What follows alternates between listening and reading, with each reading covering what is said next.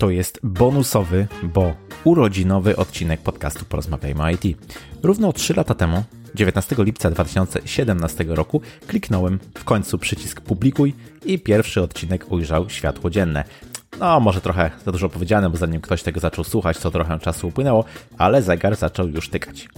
Przez ten czas na początku mocno nie mrawo, a później no już systematycznie nagrałem ponad 70 regularnych i kilka bonusowych odcinków. Wszystko to zaowocowało niedawno ćwierć milionem odsłuchań, co jest dla mnie no niewyobrażalną liczbą i za co Tobie słuchaczu również jestem bardzo wdzięczny. Jestem niekiedy pytany o to, co się zmieniło u mnie w ciągu tych trzech lat i co dało mi prowadzenie tego właśnie podcastu. Zawodowo ciągle obracam się w obszarze startupów i najbardziej utożsamiam się z backendem aplikacji webowych, które mm, współtworzę z wykorzystaniem takich języków jak Elixir czy Ruby. Pracuję w 100% zdalnie i bardzo sobie to cenię. Nie jestem e, osobą w stylu Party Hero i jednym z powodów założenia tego podcastu było ćwiczenie mówienia i wystąpień publicznych.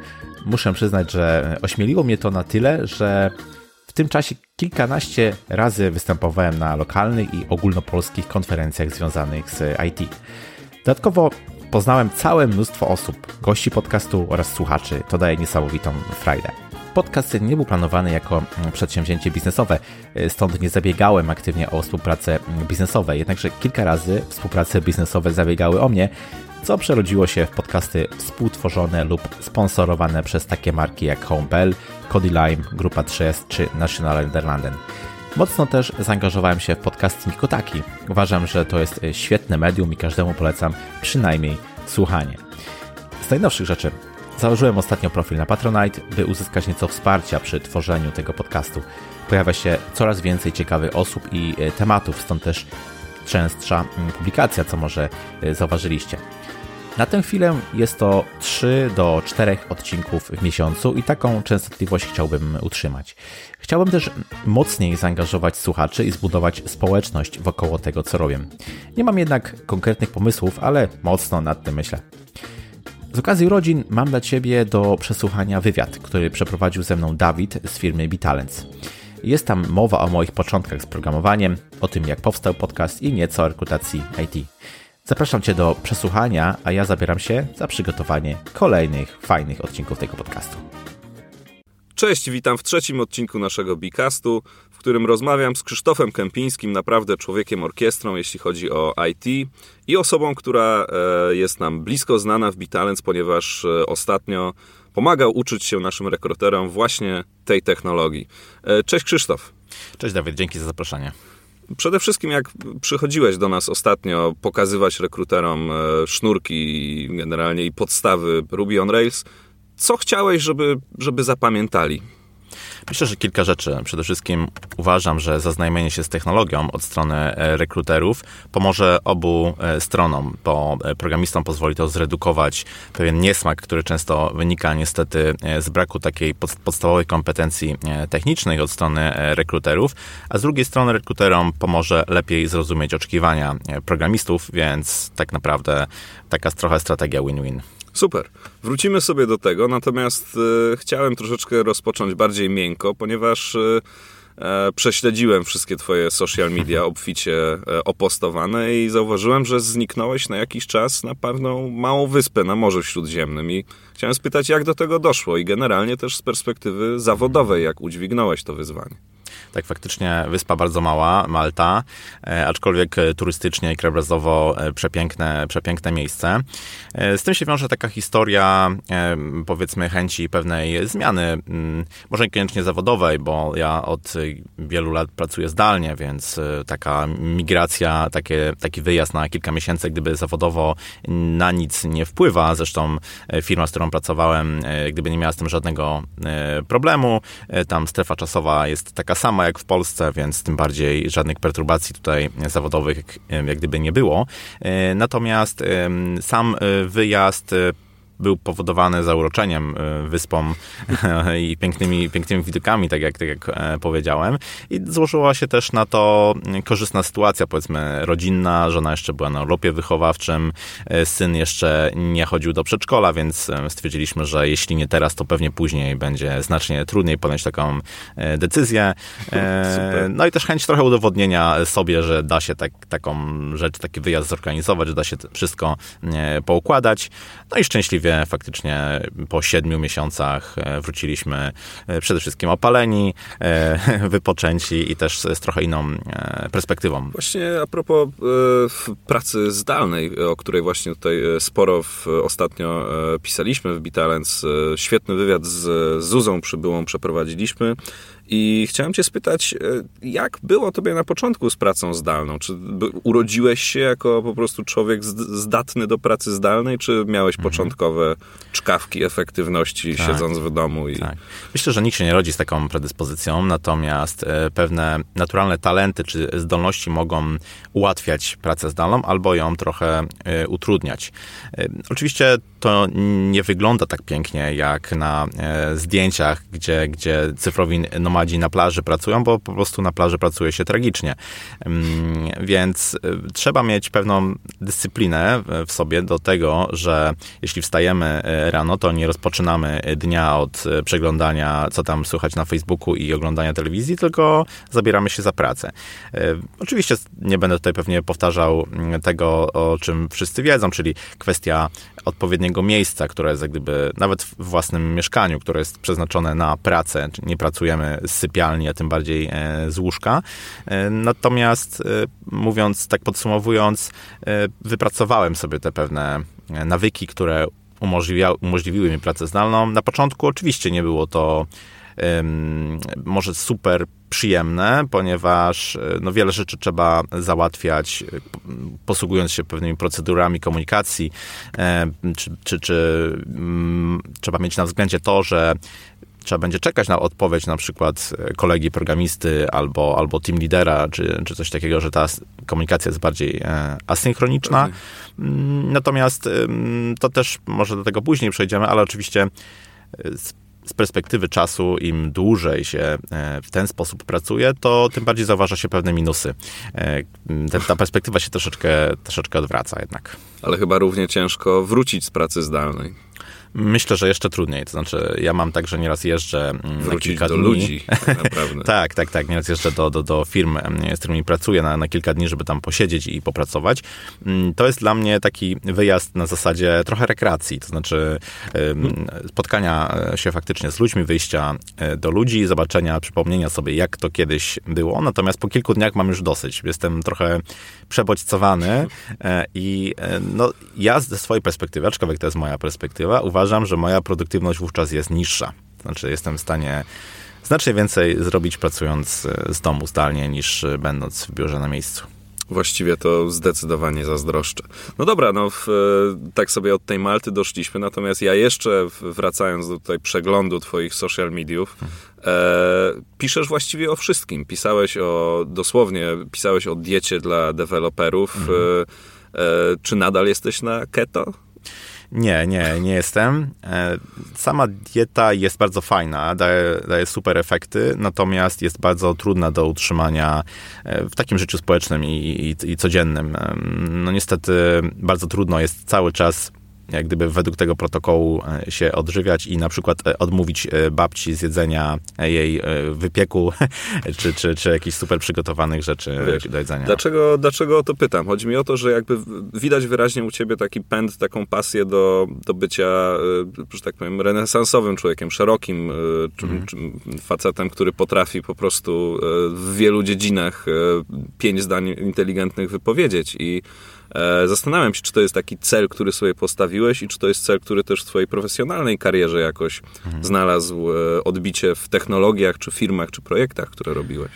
Nie był to może jakiś cel, który sobie postawiłem, natomiast to jest uważam, pewna taka krzywa uczenia się. To znaczy, na początku magazynujemy e, dużo wiedzy, niekoniecznie wiemy, w jaki sposób to się łączy. Później zaczynamy zauważać pewne wzorce, e, pewne, pewne e, paterny i mm, można powiedzieć, że suma naszych doświadczeń, czy naszej wiedzy, czy to złączenie tych różnych doświadczeń daje w efekcie więcej, niż byśmy się spodziewali. I ja przez długi czas miałem takie poczucie, że jest jeszcze mnóstwo rzeczy, których nie wiem, że nie, nie czuję się na tyle jak gdyby doświadczony, czy, czy na tyle mm, odpowiednią osobą, żeby się wypowiadać na różne tematy, że za mało jeszcze e, tego zmagazynowałem. Mm-hmm. W pewnym momencie zrozumiałem, że to właśnie tak nie jest, że każdy z nas, jeśli jest tylko o krok do przodu w stosunku e, w jakiejś dziedzinie na przykład, w stosunku do innych, to już ma prawo, a wręcz powinien powiedzmy uczyć, czy, czy wypowiadać się na jakiś temat, ponieważ najlepiej może wskazać drogę właśnie tym, którzy jeszcze tam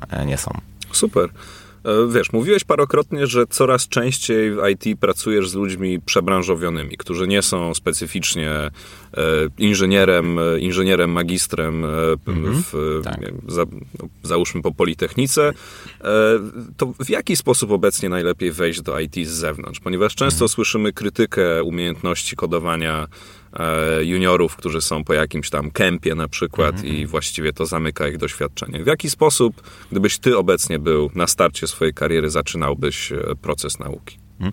Myślę, że nie ma jak gdyby jednego takiego sposobu, że to bardzo zależy, natomiast niezbędna jest pewna umiejętność, czy pewna, pe, pewna e, percepcja. Trzeba sobie uświadomić, że jakiekolwiek źródło wiedzy, z którego chcielibyśmy skorzystać, i to mogą być kursy online, to może być jakiś kurs stacjonarny, bootcamp czy szkoła programowania, to jest bardzo fajna sprawa, ale niewystarczająca, absolutnie. Musimy być e, świadomi, że chcąc być w IT, e, zajmować się administracją, programowaniem, ten proces nauki wymaga od nas po prostu działania z tym, z tym tematem. Czyli programowania uczymy się w praktyce, e, czyli nie możemy jak gdyby tylko i wyłącznie bazować na suchej wiedzy.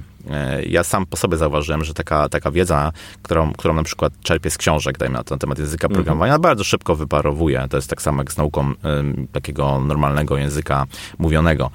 Y, samo przeczytanie, powiedzmy, książki do gramatyki jeszcze nic nie daje, należy języka u, używać. I tak samo jest z mhm. wejściem do, do IT. Wobec, wobec tego Oczywiście często zadawane mi jest pytanie, czy szkoła programowania ma sens, czy to jest dobry, dobry wybór. I ja mówię, że to zależy. Jeśli ktoś ma taką możliwość finansową, y, czasową, może się zaangażować w to, jak najbardziej, świetna sprawa. Natomiast nie jest to jedyna możliwa y, droga. Bardziej liczy się ten mindset, to nastawienie, że ciągła mhm. praca, ciągły rozwój, poświęcanie tego czasu takiego nieraz prywatnego na, na, na zgłębianie jakichś, jakichś e, tajników e, technologii, że to jest właśnie mm, niezbędne. Natomiast wracając do Twojego pytania, mm, myślę, że na pewno rozpocząłbym od e, chodzenia na meetupy, których jest teraz bardzo, bardzo mm, wiele. Nawet u nas w, Poznaniu praktycznie każdą bardziej znaną technologię, jeśli sobie wybierzesz, to możesz znaleźć. Jest jakieś stado znajomych. Dokładnie, dokładnie. Oczywiście. Nie musimy też wchodzić w bardzo takie techniczne rzeczy od razu, czyli na przykład... Mm, nie Komunikacja. Tak, tak. Jest też mnóstwo zawodów wokoło e, IT, czy też jakoś wspomagających IT. Oczywiście najbardziej wyświechtanym e, może przykładem jest tutaj tester, ale to wcale nie jest e, taki głupi e, pomysł na, na początek. Analiza IT, czy, czy chociażby stanowisko właśnie rekruterskie w firmie, mhm. która zajmuje się, się IT, to też jest jakiś sposób, żeby zapoznać się z tymi tematami, osłuchać się z, to, z, tą, z tą tematyką. Jasne. No to dotarliśmy tutaj do tego korowego tematu, czyli rekrutacji. Jakby szacuje się, że na rynku cały czas brakuje tych, kurczę, 70 80 tak. tysięcy według niektórych statystyk. E, jak to jest być w tej mhm. super rozchwytywanej grupie? Um, to znaczy, to może tak z zewnątrz wygląda, bo oczywiście e, fajna jest perspektywa e, jak gdyby szukania pracy, właściwie braku takiego problemu ze znalezieniem pracy, ale to też, jest, to też nie jest tak, że to jest tylko taka kraina miodem i mlekiem płynąca. To znaczy, rozwój e, IT przyspiesza naprawdę z miesiąca na miesiąc i osoba, która chce pozostać na tej, na tej łódce, na którą kiedyś się dostała, musi cały czas się rozwijać. I to nie jest jakiś frazes, tak faktycznie, tak faktycznie jest. Rozmawiałem kiedyś e, z, z dziewczyną, która była na e, urlopie wychowawczym czy, czy macierzyńskim, będąc wcześniej frontendowcem i naprawdę wspominała, że po tym roku nieobecności w branży na tyle, e, gdyby ta dziedzina zwłaszcza poszła do przodu, że ona miała naprawdę spore problemy, żeby wrócić do takiego poziomu programowania, na którym e, była wcześniej. Więc ten rozwój jest, e, jest jak gdyby niezbędny. Trzeba też, wydaje mi się, nadążać za, za trendami, to znaczy wiedzieć, w którym momencie zmienić być może tą, swoją korową e, technologię. Nie można się za bardzo tutaj e, ostać na, na, e, na laurach. Jest też problem takiego szklanego sufitu, na który się trafia w, w rozwoju. To znaczy relatywnie szybko w porównaniu do innych branż możemy zostać tym seniorem, czyli osobą, która powiedzmy zgromadziła już na tyle wiedzy, że potrafi nie tylko samemu rozwiązywać problemy, ale również uczyć innych, dajmy na to. I to jest na tyle relatywnie e, szybki czas, powiedzmy 5-6 lat, to, to, to już powiedziałbym, że, że najczęściej mniej więcej taki, mm, taki poziom. I pytanie, co dalej wówczas? Bo, Do biznesu przejść. No właśnie, i to jest, e, to jest też problematyczna rzecz, bo mm, często szefom wydaje się, że właśnie tego typu e, awans będzie czymś, co zadowoli powiedzmy takiego seniora, że, że, że no bo co, co można dalej z nim zrobić? Oczywiście, jeśli jesteśmy w firmie, która ma nieco szerszą strukturę, możemy myśleć o architekcie, czy tego typu, mm, powiedzmy, stanowiska, które gdzieś są pomiędzy IT a biznesem. Natomiast to też jest tego typu problem, że szefowie często obawiają się, że jeśli mm, ten, ta osoba cały czas jest tym seniorem i nie awansuje, no to w końcu będzie chciała odejść. Więc co z, z, nim zrobić? No, może awansować go na osobę zarządzającą, co często jest mm, nie do końca dobrym posunięciem. Chciałem cię wcześniej e, spytać w sumie, co jest tak wyjątkowego w informatykach jako grupie, że są niezbędne firmy, takie jak. Pitalens, żeby, e, żeby was skusić do pracy, ale w sumie wymieniłeś już kilka, jak szybkość i te e, i mhm. kwestie związane na przykład z, ze ścieżkami kariery. E, I chciałem spytać, jakie były Twoje osobiste doświadczenia z rekrutacjami w IT? I generalnie, czy czujesz, że rekruterzy, z którymi miałeś styczność, oczywiście także ci, których na pewno wielokrotnie odrzuciłeś, mhm. E, czy robili dobrą robotę? Tak, myślę, że ta branża zmieniła się strasznie. Znaczy, ja obserwowałem mm, taką, taki naturalny jak gdyby wzrost, czy właściwie jak rodziły się tego typu e, firmy. Ja zaczynałem swoją karierę w 2005 roku, gdzie to zupełnie inaczej mm, wyglądało. E, krótko po tym e, współzakładałem swój własny software house i przeszedłem trochę na, na, e, z drugiej strony tego, tego frontu, znaczy sam rekrutowałem i sam zatrudniałem, oczywiście patrząc teraz z perspektywy zupełnie nieudolnie. Natomiast no, jakieś tam doświadczenia mm, zdobyłem. Myślę, że mm, jak gdyby ta branża się profesjonalizuje i idzie w kierunku nie tylko takim bardzo miękkim, to znaczy umiejętności komunikacji, umiejętności e, rozmowy, ale również i mm, pewnie też dlatego tutaj dzisiaj rozmawiamy, E, zaznajmienia się z, z technologiami. Myślę, że przeszliśmy już z takiego e, zupełnie e, czarnego, powiedzmy, takiej czarnej fazy, kiedy faktycznie był, rekruterzy mylili Java z JavaScriptem. Myślę, że teraz ta świadomość już jest szersza.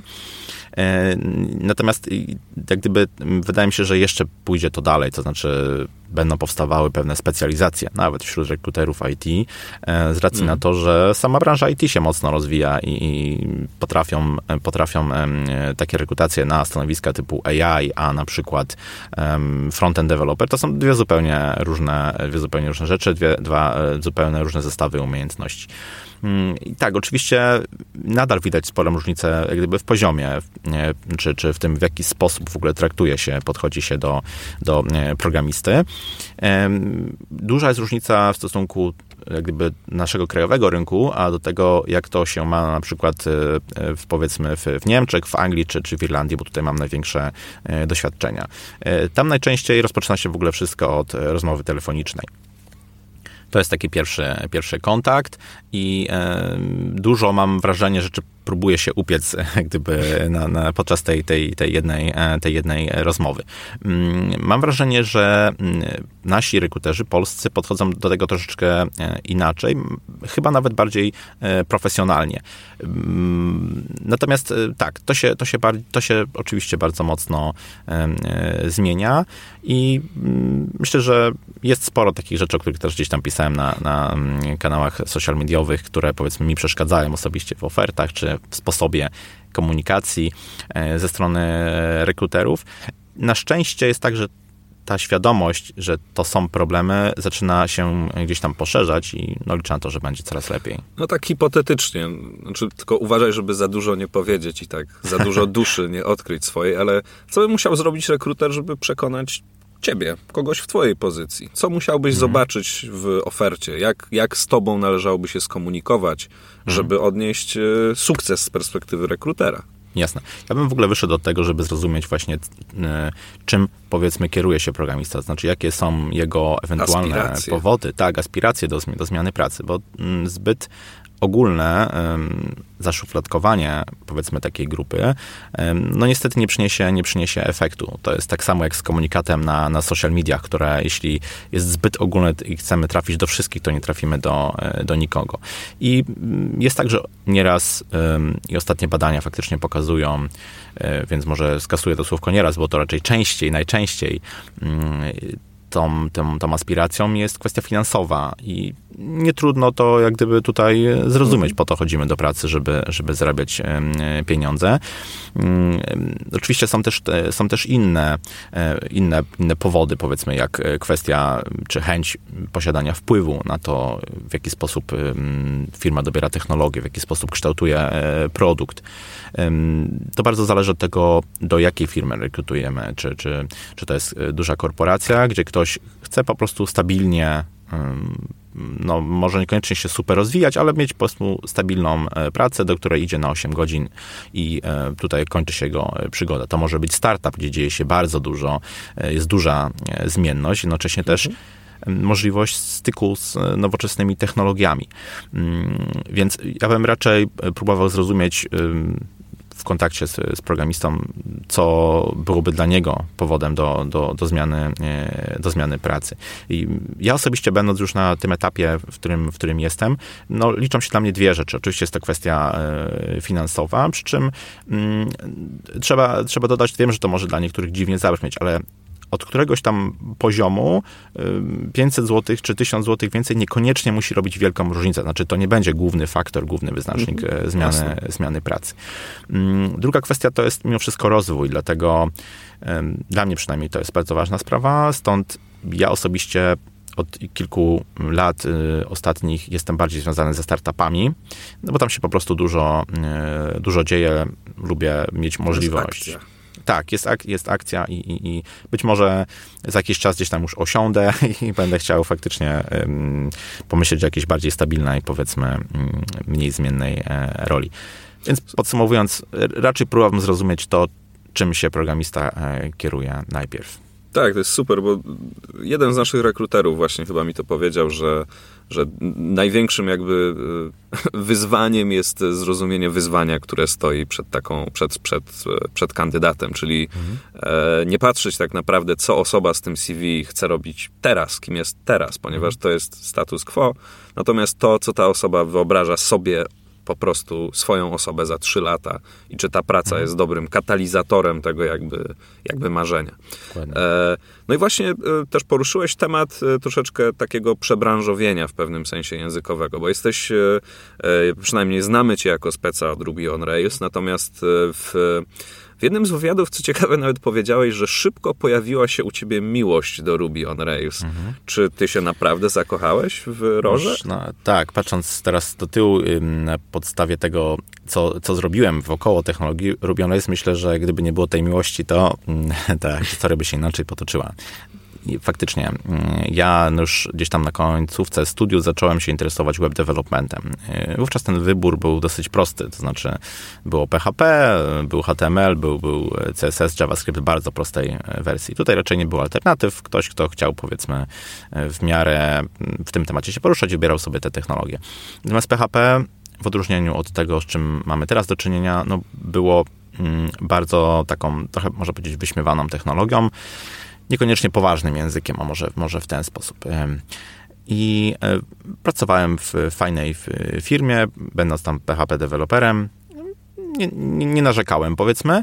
E, natomiast e, jakoś przez przypadek trafiłem faktycznie na Ruby, w bardzo wówczas, nie na Ruby, na Ruby on Rails jako framework, w bardzo, Bądźmy bardzo wczesnej. Precyzyjnie. Tak, dokładnie, w bardzo wczesnej fazie rozwoju i ten język, ten framework został zaprojektowany do tego, żeby programiście sprawiać przyjemność podczas pisania i czytania kodu. I to faktycznie był przeskok jakościowy niesamowity w stosunku do technologii, z którymi miałem e, do czynienia.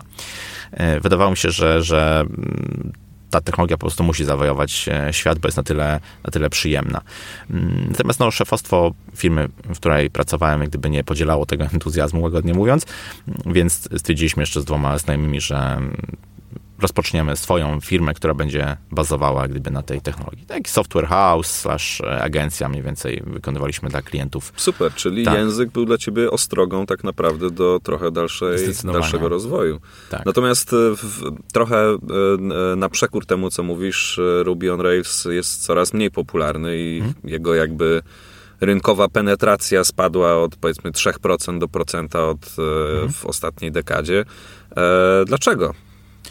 Tak, znaczy mm, co jakiś czas pojawia się taka mm, wiadomość, że być może Ruby on Rails już znika, że, że umiera i tak dalej, i tak dalej.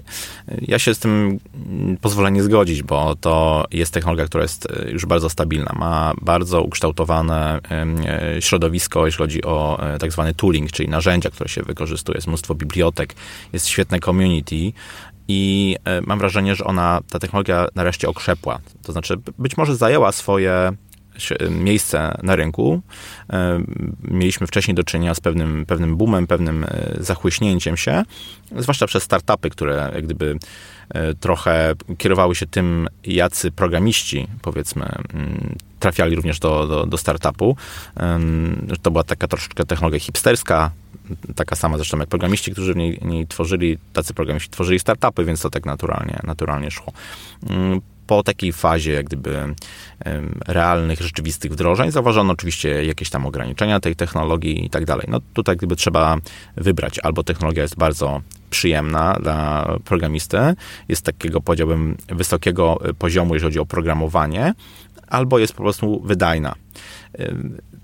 Ona też nie została zaprojektowana do wszystkiego, więc, więc mamy obecnie do czynienia z rozwiązaniami czy z problemami, których po prostu ta technologia nie potrafi rozwiązać. Ja myślę, że to jest raczej tak, że mm, w tej chwili Ruby on Rails zajęło swoją mm, niszę, czy swoją tą część rynku, która przynależy się tej technologii. Nie spodziewam się, że będzie jakiś wielki nagle boom y, i zwrot, że wydarzy się coś y, niesamowitego, zwłaszcza, że ja osobiście nie jestem do końca zadowolony z tego, w jaki sposób ta technologia e, się rozwija i to też podziela sporo e, programistów. Natomiast nie sądzę, żeby było tak, że ona nagle pewnego dnia zniknie. Zbyt dużo, zbyt wiele projektów e, już w tej technologii istnieje więc... E, tak, i w dodatku e, należy zauważyć, że specjaliści od Ruby on Rails są no, statystycznie średnio znacznie lepiej wynagradzani niż mhm. na przykład e, jawowcy. Tak. E, a kolejna kwestia to w... Tu sobie przerwę. Take two. Można jechać. Okej, okay. Chciałem Ci jeszcze zadać pytanie dotyczące specjalizowania się w IT, ponieważ e, w, parę lat temu jeszcze była moda na full stacków i każdy chciał być full stackiem, natomiast obecnie e, jest już leciutki odwrót od tego trendu. Jak to skomentujesz? Tak, faktycznie tak jest. Ja obserwowałem podczas swojej kariery jak gdyby takie, konieczność takiego specjalizowania się, to wynika z tego, że dana e, gałąź, backend, frontend, e, teraz już AI, DevOps, rozwija się na tyle prężnie i na tyle szybko, że nie sposób jest nadążać za, za kilkoma, mm, gdyby technologiami równocześnie. To jest też tak, że ten stack technologiczny, czyli ilość technologii, ilość tych poziomów, które na siebie nachodzą po to, żeby zbudować jakiś projekt, się rozszerzyła, więc musimy nie tylko, chcąc jak gdyby stworzyć projekt, musimy nie tylko dobrze znać backend, backend, e, bazy, frontend. Trzeba czerpać z różnych dokładnie, koszyków. Dokładnie, dokładnie, więc bardzo trudno jest być na bieżąco e, ze wszystkimi. Mm, poza tym, no ja jestem fanem bardziej takiego rozwoju, gdzie trzymamy jedną tą nogę taką, taką silną, czyli e, jesteśmy specjalistami w jakiejś jednej technologii, ale nadal jak gdyby rozwijamy się, e, czy, czy kojarzymy w ogóle fakty z, z innych technologii.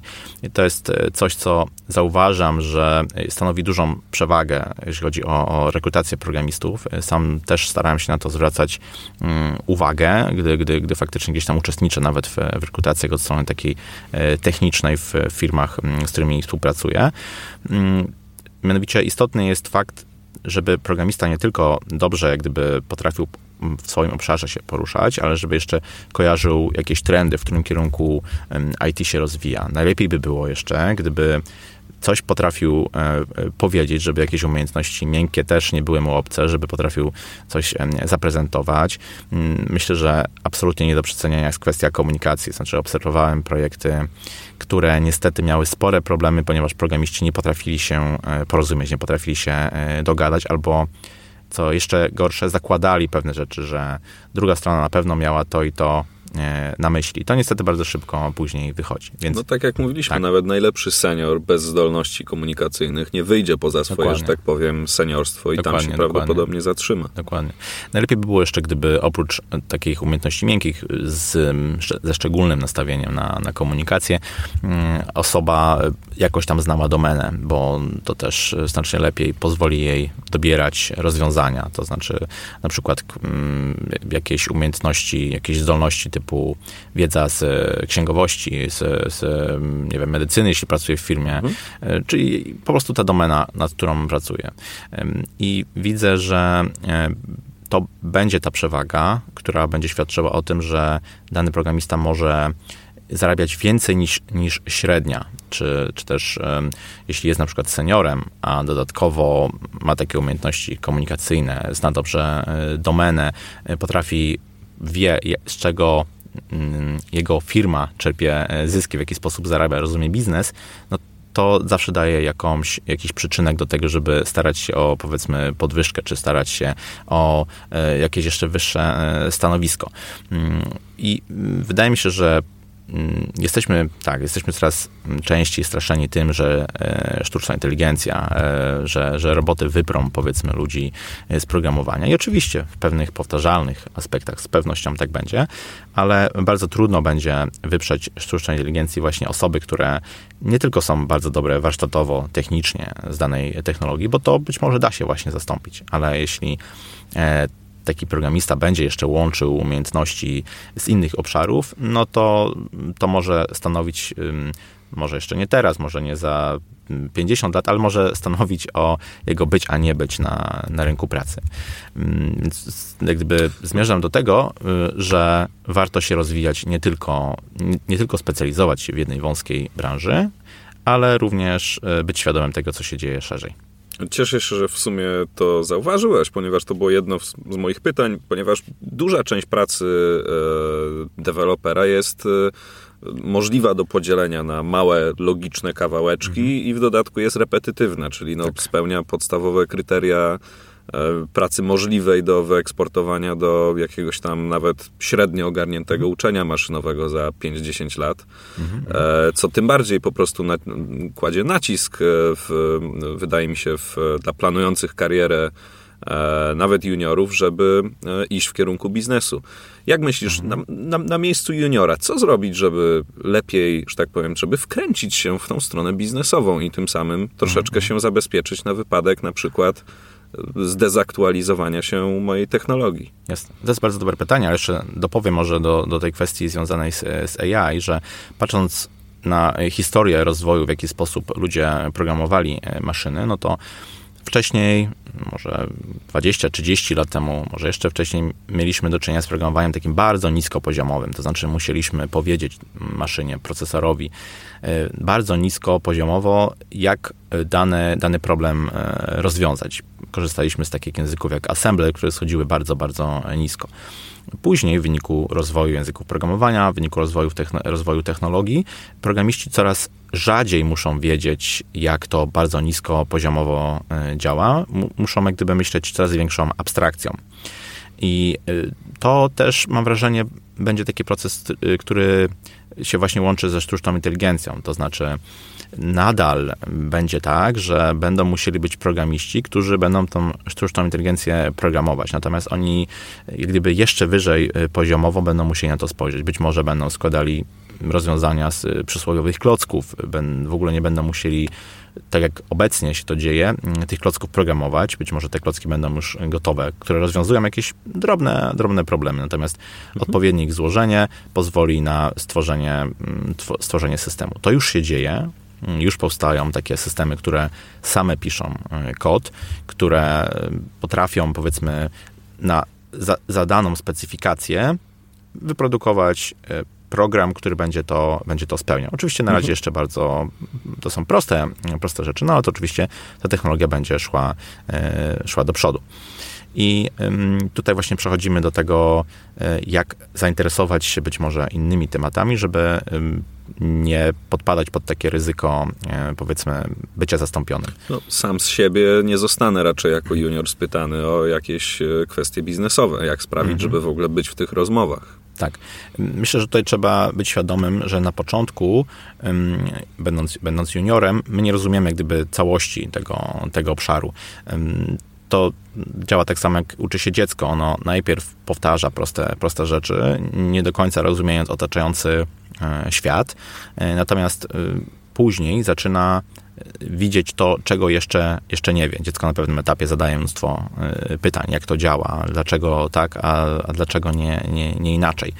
Więc na początku wydaje mi się, że chyba nie zalecałbym juniorom, żeby próbowali aż tak szeroko, jak gdyby tutaj, tutaj interesować się zbyt szeroką gamą problemów. Czy, to jest ta silna noga, o której mówiłeś tak, wcześniej. Tak, tak, Zadbać tak, o tak. silną nogę. Tak, tak. Na początku raczej skupiłbym się na tym, żeby zostać specjalistą w jakiejś e, dziedzinie, co oczywiście nie, nie przeszkadza, gdyby nie wyklucza tego, żeby interesować się ogólnymi e, tematami, ale żeby to było raczej na zasadzie zabawy, tak samo tutaj wracając do analogii z, z dzieckiem. Czyli nie stawiałbym sobie bardzo e, takich podkręconych celów, jeśli chodzi o, o, inne, inne rzeczy, że na przykład mm, nie próbowałbym ustawiać swojej ścieżki kariery na powyżej 5 lat e, do przodu. To, to absolutnie nie ma sensu. Historia e, ostatnich 10-15 lat pokazuje, że pojawiają się zawody, pojawiają się technologie i specjalizacje, o których byśmy nawet nie pomyśleli, więc zbyt daleko, daleko idące mm, planowanie tutaj może się zwyczajnie nie sprawdzić. Jasne.